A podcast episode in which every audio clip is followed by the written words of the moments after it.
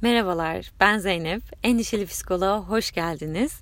Uzun zamandır rüyalarla alakalı bir bölüm yapmak istiyordum. Fakat Rüyanız Hayır Olsun programına dönüşmemesi için hani onu nasıl bir zemine oturtacağımı çok bilememiştim. Fakat aklıma mükemmel bir fikir geldi. Kendimizi tanımak diyoruz, kendimize yaklaşmak, kendimize dair yeni sorular üretebilmek falan böyle tatlı tatlı romantik cümleler kullanıyoruz. Fakat iş gerçeğe dönüştüğünde tamam hadi şu anda kendime dair sorular üreteyim dediğim zaman ya nasıl üreteceğim ben bunu? Böyle bir bomboş bir yerde bulabiliyorum kendimi. Tam da buna birazcık cevap olması e, niyetiyle bu bölümleri çekmeye karar verdim.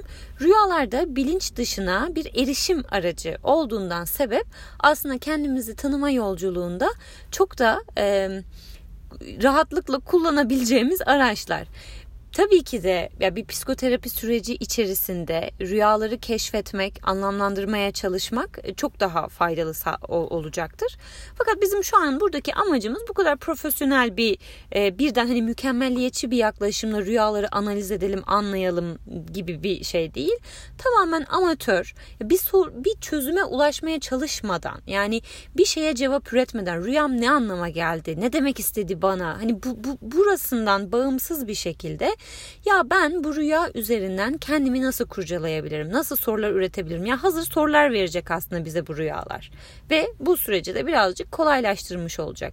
Evde bilinç dışına erişim diyoruz. Yani her gün 6 rüyada ortalama 5-6 rüya görülüyor galiba.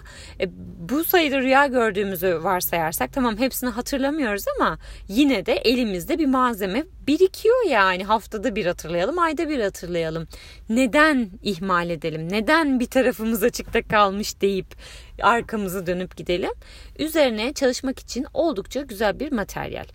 Şimdi bu serinin devamında böyle başka araçları da kullanıyor olacağız. İşte yazmak, okumak, hani bu edebiyat bunları nasıl kendimizi tanımak için kullanabiliriz.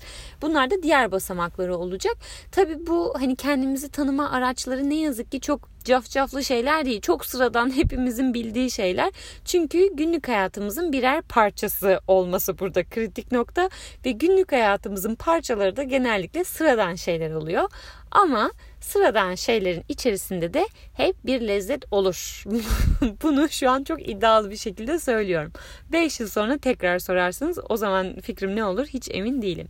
Bir de ya böyle kişisel gelişim işte kendimiz üzerine çalışalım dedikçe birazcık belli bir yerden sonra mide bulandırıcı oluyor olabilir. Artık yetti galiba bu kadar çalışmak istemiyorum ben kendi üzerime derken bulabilirsiniz haklısınız da yani bir yandan.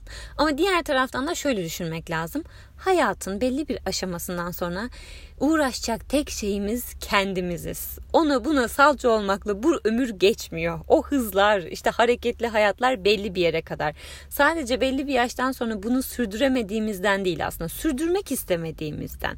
Tam da işte o yavaşlık, dinginlik, kendimize doğru esneme, içeriye doğru esnemeye mükemmel bir fırsat kendimizi kurcalamak. Zaten Jung'a göre de bireyleşme süreci aslında orta yaştan itibaren hız kazanan bir süreç. Öyle çok erken yaşlarda oluşmuyor. Çünkü önce bir, bir deneyim, bir tecrübe, bir şeylerin birikmesi gerekiyor. Sonrasında ona bakacak, onu yorumlayacak e, bir vizyonla Hani bunun üzerine derinleşmek, gerçekçi olan kısmı bu.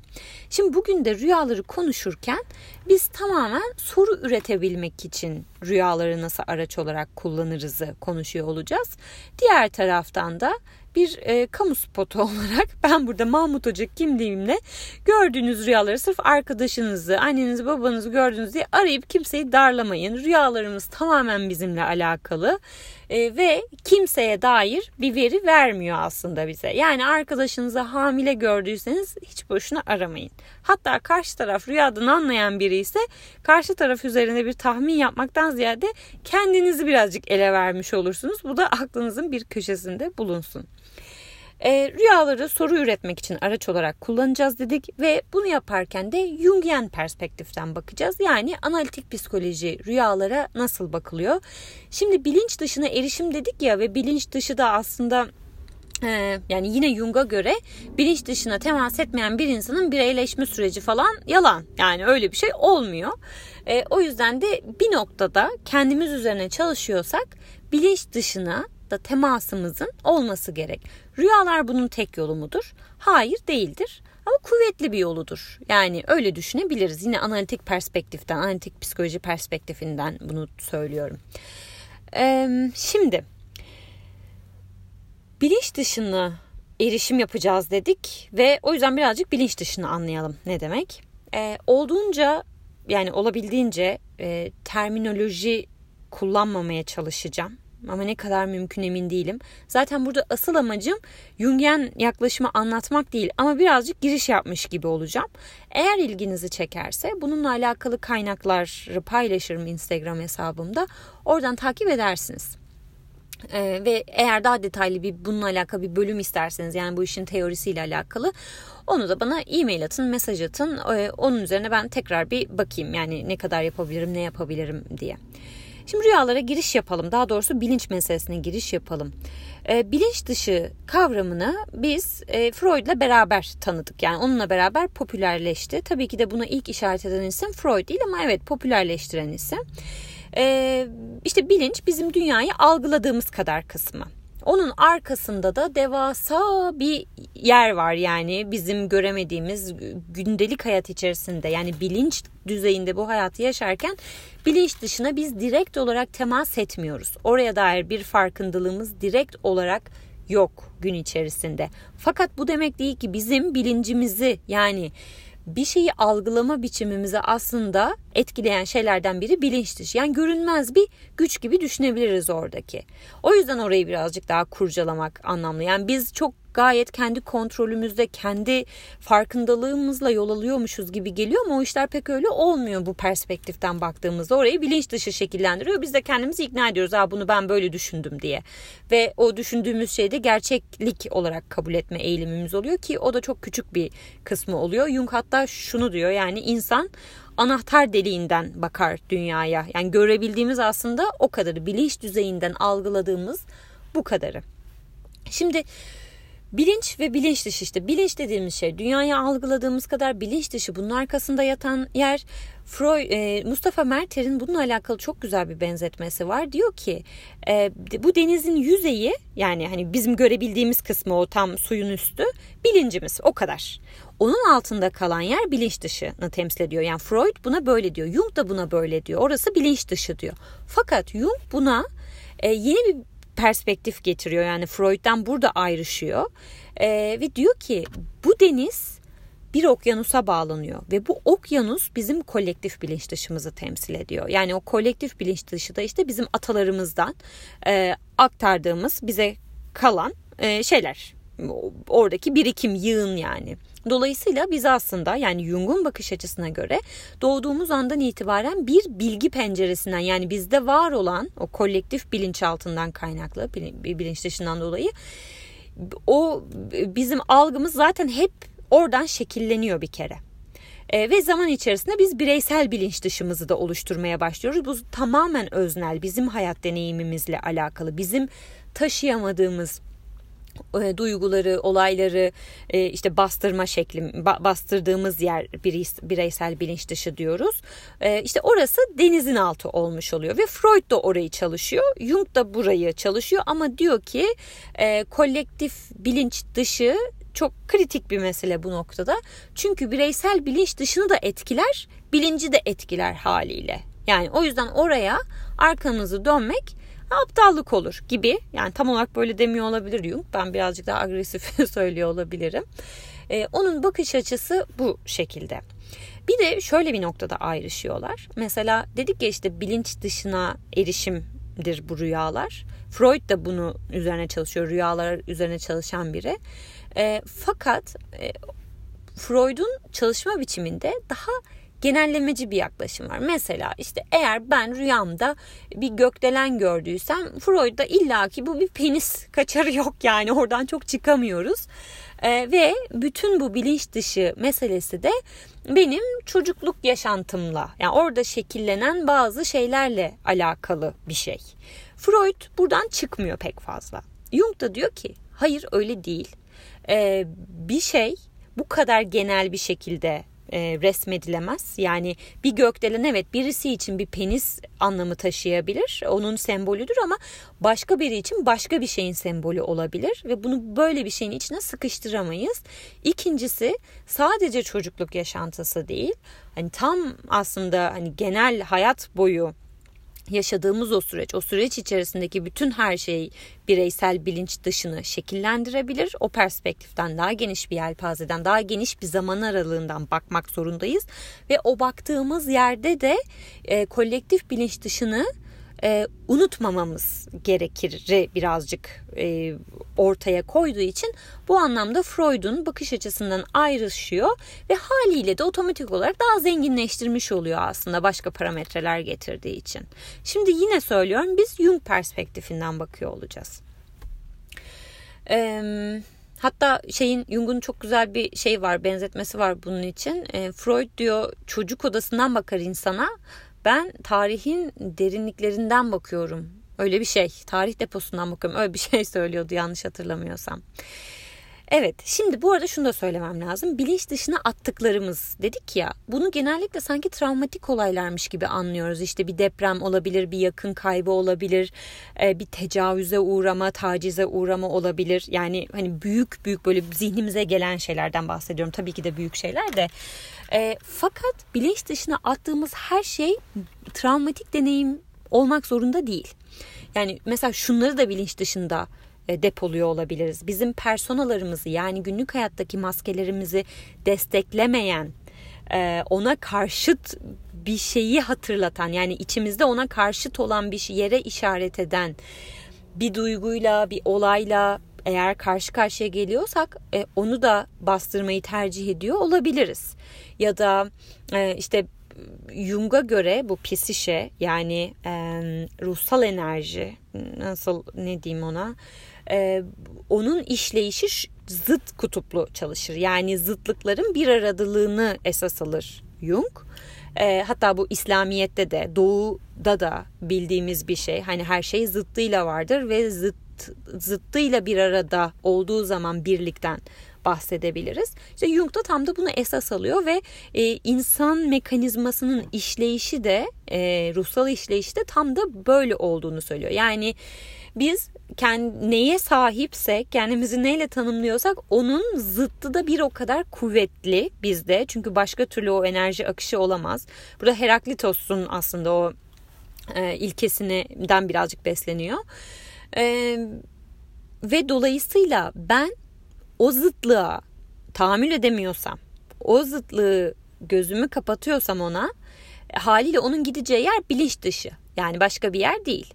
E, fakat tabii çok zorlayıcı bir şey o. Yani hani oradaki o insanın içsel dengesini koruyabilmesi için o zıtlığı tanıması ve onu bir dengeye oturtabilmesi gerekiyor. Ama işte önce dışlamaması lazım, tanıması lazım yani.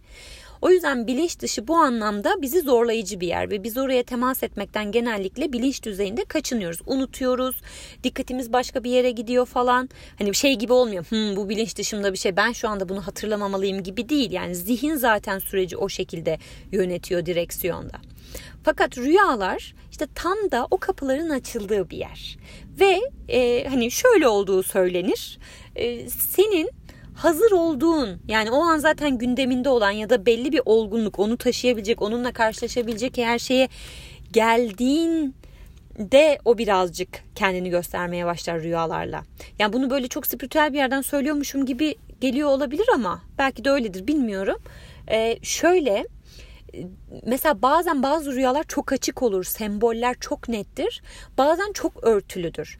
İşte o örtülü olma halini de yine ben ötesi psikoloji şöyle açıklıyor. Yavaş yavaş seni hazırlama hali ona. Yani e, direkt onu o an çalışamayabilirsin ama ufak ufak ufak ufak seni oraya getiriyor ve sonra ya sen o sembolleri tamam artık ben burada bir şeyi görüyorum e, ma o cesareti o adımı atabiliyorsun ya da daha açık yani üzeri çok örtülmemiş sembollerle şak diye karşına getiriyor rüya onu ve artık ondan kaçamıyorsun gibi bir şey oluyor. Şimdi bizim için işte biz ne dedik? Yani bilinç dışını kurcalayacağız dedik. Çünkü bilinç dışı bireyleşme sürecimize temas edebilmek için önemli bir şey dedik. Önemli bir araç dedik. Ve gündelik hayatımızın bir parçası ve bedava dedik. Ve elimizde çok fazla var dedik. Ve bu bilinç dışında işte biz de tam aslında kendi içsel... E, o zıtlık enerjisiyle baş edemediğimiz yerleri e, oralara atıyoruz. İşte belli travmatik deneyimleri atıyoruz. E, personalarımıza çok uyuşmayan o tutarlılık ilkesini çok önemsediğimiz için sosyal hayatta çünkü tutarlı gözükmek ve bütün o maskelerimizi birbirine uyumlu ve tutarlı inşa etmek zorundayız. Şekillendirmek zorundayız. İşte ona uymadığı zaman bilinç dışına göndermeye de bir meylimiz var. Halbuki işte or, or, orayı biraz farkında olmak lazım. Bu sosyal hayatta zıtlıklarımızla var olalım demek değil. Farkındalık buradaki kilit mesele. Yani onu bilmek, bilerek onu bir yere koymak. Ee, otomatik olarak değil yüzleşemeyeceğim deyip hani daha sen bunu hiç bilinç düzeyine getirmeden oraya göndermek gibi değil. Şimdi anlatırken çok zor. Bilinç dışı gerçekten anlatması çok zor şeylerden bir tanesi. Umuyorum ki birazcık şekilleniyordur zihninizde. Şimdi biz bilinç dışına yani rüyalarla bilinç dışına bakarken tam da buralara temas edeceğiz. Yani bizim aradığımız şey ne? Bu. Ne, neleri biz oraya itmişiz? Nelerle baş edemediğimizi düşünmüşüz. Ee, o gözle bir arayışa girersek eğer bize daha fazla yardımcı olacak. Şimdi bu noktada iki tip analiz biçimi var. Aslında üç tane e, ama üçüncüye çok girmeyeceğiz. Bu işte ha, haberci rüya dedikleri e, zaman aralığı geniş olan ve hani rüyanın çıkması, gele, görmek, geleceği görmek falan. Jung da bunlarla ilgileniyor. Ben ötesi psikoloji de bunlarla ilgileniyor ama çok daha ulvi bir yerden böyle ele alıyor bu meseleyi. Çok da bir şey söylemiyor o yüzden ben de açıkçası çok merak etmiyorum. Zaten bugün bizim konumuzda rüyan çıktı mı çıkmadı mı kardeşim ne kadar da mübareksin maşallahtan öte bir şeyi konuşmak istiyoruz. Yani bizim gündemimizde bu yok. Ben tamamen sembol, semboller üzerinden bunu nasıl okumalıyız bunun üzerine kafa yormak istiyorum. Ee, şimdi iki çeşit okuma biçimi var rüyayı. Ee, bir tanesi daha nesnel, ee, bir tanesi subjektif bir okuma biçimi. Şimdi ne demek bu? Rüyamda işte belli insanlar görüyorum. Ayşe var, Fatma var, Mehmet var. Ee, nesnel okumaya göre, yorumlamaya göre e, Ayşe Ayşe, Mehmet Mehmet. Ortada bir olay var. Ben de benim ve bu olan işte iki insan arasındaki işte hissettiğim şey, onun bana e, o an düşündürdüğü şey, işte o olayın kendisi, rüyada gördüğüm olayın kendisi. Bunlar üzerine birazcık düşünme. Bana ne hissettirdi, ne düşündürdü, bana neyi hatırlattı, bana nereyi işaret ediyor gibi. Şimdi ikinci yorumlama biçimi rüyadaki Ayşe de benim, Mehmet de benim, e, olan olay da işte orada bir araba varsa araba da benim. Yani her şey benim o rüyada. E, bu öznel tarafı ve aslında daha geniş bir perspektiften bize yardımcı olacak şey bu öznel okuma biçimi. Yani hani biri birinden daha üstün diye söylemiyorum bunu da neden?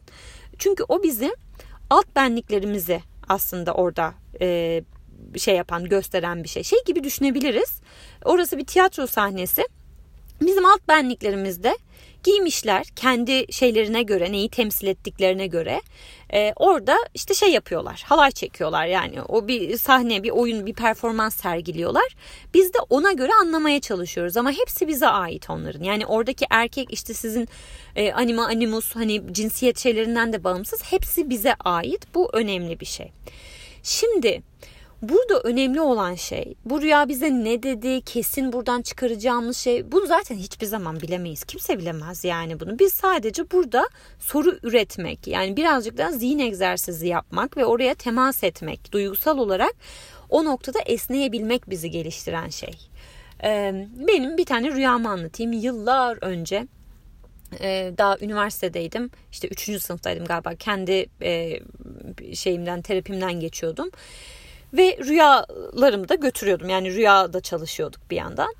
Ee, ben de rüyamda yani o dönem şöyle bir dönemdi benim için. Ben bu bölümü seviyor muyum? Ben psiko, psikolog olmak istiyorum, istiyor muyum? Olacaksam hangi alanında çalışmak istiyorum? Ama psiko, ben bu kadar şey e, cazgır bir insanken işte ben ciddiyetle işte eğer psikolog olmak çünkü ciddi olmak demek şöyle olmak demek bir şey bir şey daha sıkıcı bir şey var o an zihnimde Ee, ve ben acaba hayatımı buna kurban mı edeceğim? Ben böyle biri değilim ki. Ben mizahtan şey yapıyorum, besleniyorum. İşte bu beni sıkıştıracak. Belirsizlik, bilmem ne. Daha pek çok şey yani çok kişisel başka şeylerimin de içinde olduğu e, düşünceler var o dönem. Ee, diğer taraftan da bunların bende yarattığı bir kaygı var tabii ki de. Asıl aslında burada esas olan şey benim kaygım. Rüyamda da sınıfta bir arkadaşım var. O an bir sınıf arkadaşım. Ee, Ayşe diyelim adına. Ayşe de ya benim arkadaşım ama hiç dışarıda bir kahve içmişliğimiz yok. Severim kendisini, sayarım. Ama hani rüyama girecek en son insanlardan bir tanesi. Yani ona gelene kadar bir sürü insan girebilir rüyama. Neyse rüyamda Ayşe ile ben tatile çıkıyoruz. Ee, Ayşe çok rahat bu konuda. Ee, ben birazcık kaygılıyım nasıl ya falan diyorum hani. Ee, Ayşe'ye bak diyorum ne kadar rahat ya. Ayşe aslında çok sorumluluk sahibi bir kız. Tatile ne kadar da iştahla gidiyor falan gibi böyle yorumlamalar yapıyorum işte şey o anda his, rüya içinde hissettiğim şey bu. Ondan sonra e, bir yandan da işte uyandıktan yani rüya içinde şunu hissediyorum. Bir yandan sorguluyorum bir şeyleri ama ya acaba biz Ayşe'yle bu tatilde anlaşabilecek miyiz falan gibi. Çok da iyi arkadaş değiliz ama hani nasıl olacak? Ama diğer taraftan da bir şey de beni heyecanlandırıyor. Yani bir rahatlatıyor böyle hani tatile gideceğiz. E, Ayşe de tamam yakın arkadaşım değil ama iyi bir kız yani. Hani işlevsel bir kız böyle. E, besleneceğim tarafları da çok fazla var. Neyse sonuç olarak böyle bir rüya. Ve e, sonrasında işte terapistimle beraber bu rüyayı birazcık kurcaladığımız zaman ben size çok genel hatlarıyla söyleyip tabii çok kişisel şeylerini ortaya dökmeyeceğim burada. Ama e, Ayşe kim burada? Benim için neyi temsil ediyor? Ayşe sorumluluk sahibi. E, ondan sonra cima işte böyle o tam hani çalışkan öğrenci. Fakat şey de değil aynı zamanda e, çalışkan öğrenci ama yala yut, ezberle, işte mükemmel öğrenci ol e, ama hiçbir farkındalık, hiçbir sindirim sürecin olmasın yani öyle biri de değil. E, hani bu anlamda çok böyle hani takdir ettiğim biri. E, daha bana göre kıyasla e, sert bir mizacı var. E, sonradan anlıyorum ki benim mizacım pek çok insana kadar sertmiş meğersem çok kendimi kandırdığım şeylerden bir tanesi. Neyse e, sert bir mizacı var. Böyle çok dobra, direkt söyleyen ama hani adımları da emin. Yani çok böyle kararsızlığı hiç yüzünde görmediğim bir şey yapılacaksa yapılır, yapılmayacaksa yapılmaz. Hani bu, bu şey ama bana kalsa yapayım mı yapmayayım mı? Tam olarak ne hissediyorum acaba buna karşı? Şimdi yapacağım ama ya sonra pişman olursam gibi öldürürüm yani kendimi o süreçte. Bu da o zamanki ben. Çok da değişmedim bugüne kadar. Ee, ve sonuç olarak geldiğimiz şey şu aslında bu benim içimdeki yani beni dengeleyecek olan e, o sorumluluğu üstlenme. Çünkü o, o dönemki Zeynep birazcık daha işte hayat eğlenceyle yaşanmayacaksa niye var ki? İşte kendimizi mi öldürelim bu hayatta? Eğlence güzel bir şey. İşte ciddiyetin içine sıkışmak lezzetli bir şey değil filan. Bu, bu şeyde gezen bir Zeynep. Ve e, içinde bulunduğu yolda etrafında gördüğü her insan sanki kendi hayat felsefesine çok ters bir hayat yaşaması gerektiğine dair onu ikna ediyor o kendi yaşam biçimleriyle. İşte bakış açıları açılarıyla mesleğe dair o meslekle bu hayatı yaşamaya dair. Ve orada da korkmuş bir Zeynep var. Yani güncel hayatında bunun kaygısını yaşıyor. Ve rüyadaki içindeki o Ayşe yani aslında yine Zeynep'in zıt tarafı sorumluluk gayet üstlenebilen e, ve bunu e, kendi değer verdiği haliyle de yaşayabilen işte o sindirmek, e, içselleştirmek ve bununla beraber net adımlar atmanın rahatlığını yaşayabilen. Çünkü Ayşe Zeynep'i tatile çıkarıyor. Ayşe Zeynep'i rahatlatacak. Zeynep orada bir yandan ya bir dakika biz çok farklıyız, çok zıt bir karakteriz diyor ama diğer taraftan da aslında o teslim oluşun, onunla beraber o yola çıkmanın onu rahatlatacağını hissediyor. Rahatlık hissini yakalıyor. Ve aslında bu rüyayı da şöyle Zeynep yorumlayabilir o an için. Ya ben aslında kendimdeki bu bir şeyin sorumluluğunu almak hani bundan korkuyorum ama korkmaya rağmen almak ve o sıkıcılığa tahammül etmek işte tırnak içinde o an algıladığım ciddiyet biçimine tahammül ederek aslında bunun içinden şu an yaşadığım kaygıdan ancak böyle özgürleşebilirim. Ya da bu bana e, sandığımdan farklı bir yola sokabilir bir ferahlık şeyin sokabilir. Burada artık ferahlık hayırlar olsun inşallah doğru gidiyoruz. Şimdi bu sadece bir örnek. Ama burada anlatmaya çalıştığım şey rüyanızda gördüğünüz insanları önce insanlarla başlayın. Ee, belki nesneleri yorumlamak çok daha kolay olmayabilir. Ee, önce bir bu gözle anlamaya çalışın. Bu bu, bu kişi benim için neyi temsil ediyor? Mesela bazı insanlar var işte çok seversiniz bu, bu sevgiden bağımsız bir şey. İşte çok yakın arkadaşınızı gördünüz ama arkadaşınız çok tembel. Yani arkadaşınız işte adı ne olsun? Fatma olsun. Fatma aklınıza ilk geldiğinde onun da tembel olduğu gelir yani diyelim ki. Ee, çok şey bir örnek veriyorum. Mesela işte benim için bunu şey yapıyor Burada birazcık daha hani serbest çağrışım o bana ne e, çağrıştırıyor bu bana ne çağrıştırıyor falan deyip deyip bu bana ne duyguyu uyandırıyor böyle olması işte tembellik dedik tembellik bana ne uyandırıyor öfke mesela öfkeli bir insan Öfke bana ne uyandırıyor ya da dominant bir karakter görüyorsunuz mesela rüyanızda. Nasıl bir his yaşıyorsunuz o dominantlık karşısında ya da onun domine ettiği şey için ne düşünüyorsunuz? Şimdi burada birazcık daha toparlayalım. Rüyanızı gördünüz, ertesi gün uyandınız. İlk önce şeyi hatırla bak bakın. Ben şu an nasıl bir hisle uyandım bu rüyadan? Yani hani rahatlamış mı, korkmuş mu, içim biraz huzursuz mu, nasıl hissediyorum? İkincisi rüyayı görürken nasıl bir hissiyat vardı? Belki bir adam kovalıyordu beni ama korku hissetmiyor olabilirim mesela. Mesela soru bir, ne hissediyordum? Neden acaba korku hissetmiyordum? Normalde rasyonel aklım bana diyor ki kaçan birinden şey yaparsın ama sen bu rüyayı görürken Zeynep korku hissetmedin. Ne hissettin? Hmm, bilmem belki birazcık heyecan. Nasıl bir heyecan? Ee, seni ürküten bir heyecan mı? Yoksa böyle hani komik, eğlenceli bir heyecan mı? Ha ha iyi, oyun gibi gördüğün bir heyecan mı? Tamam şimdi adama geçelim. O adam kim? E, o işte korku duyduysan eğer nesi tam olarak korkuttu seni? E, yüzündeki dövme mi? İşte e, nefesinde şey ensende nefesini mi hissettin? E, ne yani ya da bir şey olacağını mı düşündün rüya içinde? Ya da ilginç bir şekilde ya ben kaçıyordum ama hiç de bana bir zarar vereceğine de inanmıyordum gibi. Yani böyle o ıvır zıvır hani orasından burasından kurcalamak ve şunu hatırlamak. Bunların hepsinin benim içimde bir yeri var. Bana ait ben. Bunlar ben. O adam da ben. Kovalayan da işte her neyse. Ve bunlar benim hangi parçalarım? Ee, bunlar bana ne anlatıyor? Ve ben belki soruyu birazcık ileri götürüp bu tarz insanlarla, insanlar üzerinden başladık diye insan diyorum. Gündelik hayatta karşılaştığımda neler hissediyorum? Bana neler hissettiriyor? Bana neler hatırlatıyorlar? Neyden kaçmam gerektiğini, neyden korktuğumu hatırlatıyorlar? Neyi idealize ettiğimi hatırlatıyorlar gibi böyle soruları şekillendirdikçe şekillendirebilirsiniz. Mesela şey rüyaları çok vardı işte doğum, hamilelik, gebelik, bebek, bebeğin doğması falan. Ee, ölüm. Bunlar hep şey yani güzel derken güzel rüyalar diyecektim. Şöyle güzel rüyalar. Ee, sonuçta ölümle doğum işte bir zıtlık şey ya. Yani ölümü kötü doğumu güzel algılamamak lazım. Doğumu güzel algılıyorsak ölümü de güzel algılayacağız. Çünkü bir şeyin başlayabilmesi için önce bir şeyin ölmesi gerek. İşte ne öldü tam olarak? Neyin yasını tutuyorum ben rüyada? Ya da ne doğdu? Doğan şey beni kaygılandırıyor mu? Ee, ya da sevindiriyor mu? Ee, ne? Ne doğdu şu anda? Gibi kendimiz de sürekli kendimizi kurcaladığımız için sürekli kendimizden kendimizi doğuruyorsak dolayısıyla rüyada da hani gebelik doğum falan görmek de ya mantıklı neden olmasın daha ne kadar harika sembolize edilebilir ki çok konuştum burada kapatıyorum artık e, toparlayacak olursak rüyalarımızı sadece soruları çeşitlendirmek için ve birazcık daha bir hani eğlenceli bir yerden hani farklı bir yerden e, sorabilmek için bu anlamda kullanabiliriz. Rüyalarınızı not etmek, rüyalarınızı hatırlama e, ihtimalinizi arttırır. E, normalde hatırlanmıyor rüyalar. E, ya illa rüyanızı hatırlayın demiyorum ama böyle bir şey deneyimlemek istiyorsanız da üzerine birazcık emek etmek gerekiyor. Yani bunlardan bir tanesi o notları tutmak.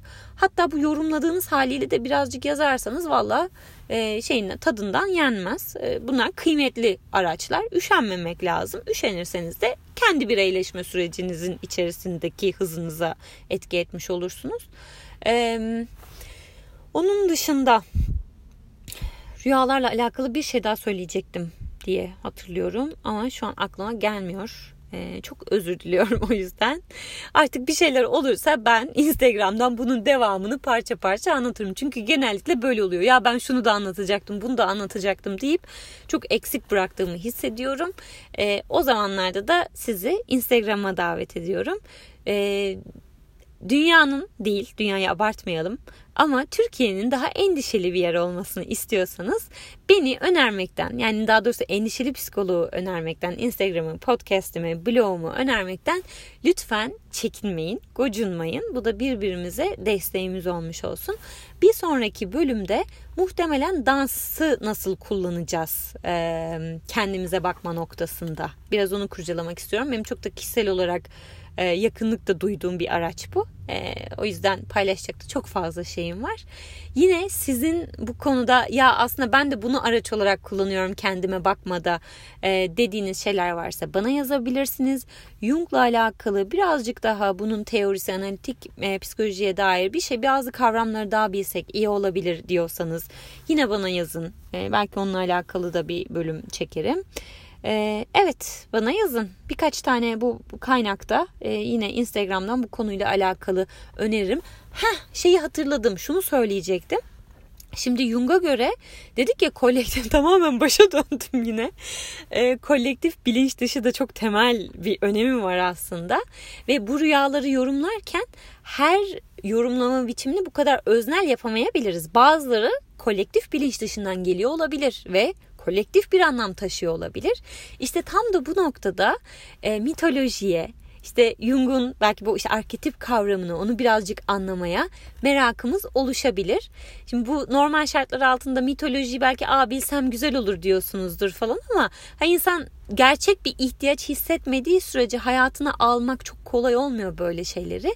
Tam da rüyalar aracılığıyla belki çok sahici bir merak oluşabilir ve mitoloji üzerine okumalar yapmaya sizi itebilir. Böyle de tatlı bir e, şey itici gücü olabilir diye düşünüyorum. Bunu söyleyecektim. E, kolektif bilinç dışı üzerinden mitoloji güzellemesi yapacaktım yani. Umuyorum bu bölüm sizde birazcık heyecan yaratmıştır. Çünkü benim arzum şuydu. E, burada e, bilgilendirme yok çünkü. Ama bu heyecanı biraz yaratmak, biraz merak uyandırmak. Bir de e, ben bana mesaj atarken bunları da söylemenizi istiyorum. Yani ne nasıl duygular uyandırıyor sizde? Şey için çok teşekkür ederim güzel geri bildirimler için.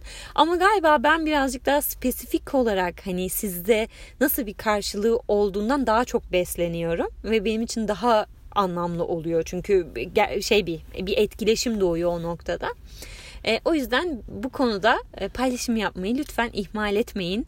Teşekkür ediyorum. Bir sonraki bölümde görüşmek üzere.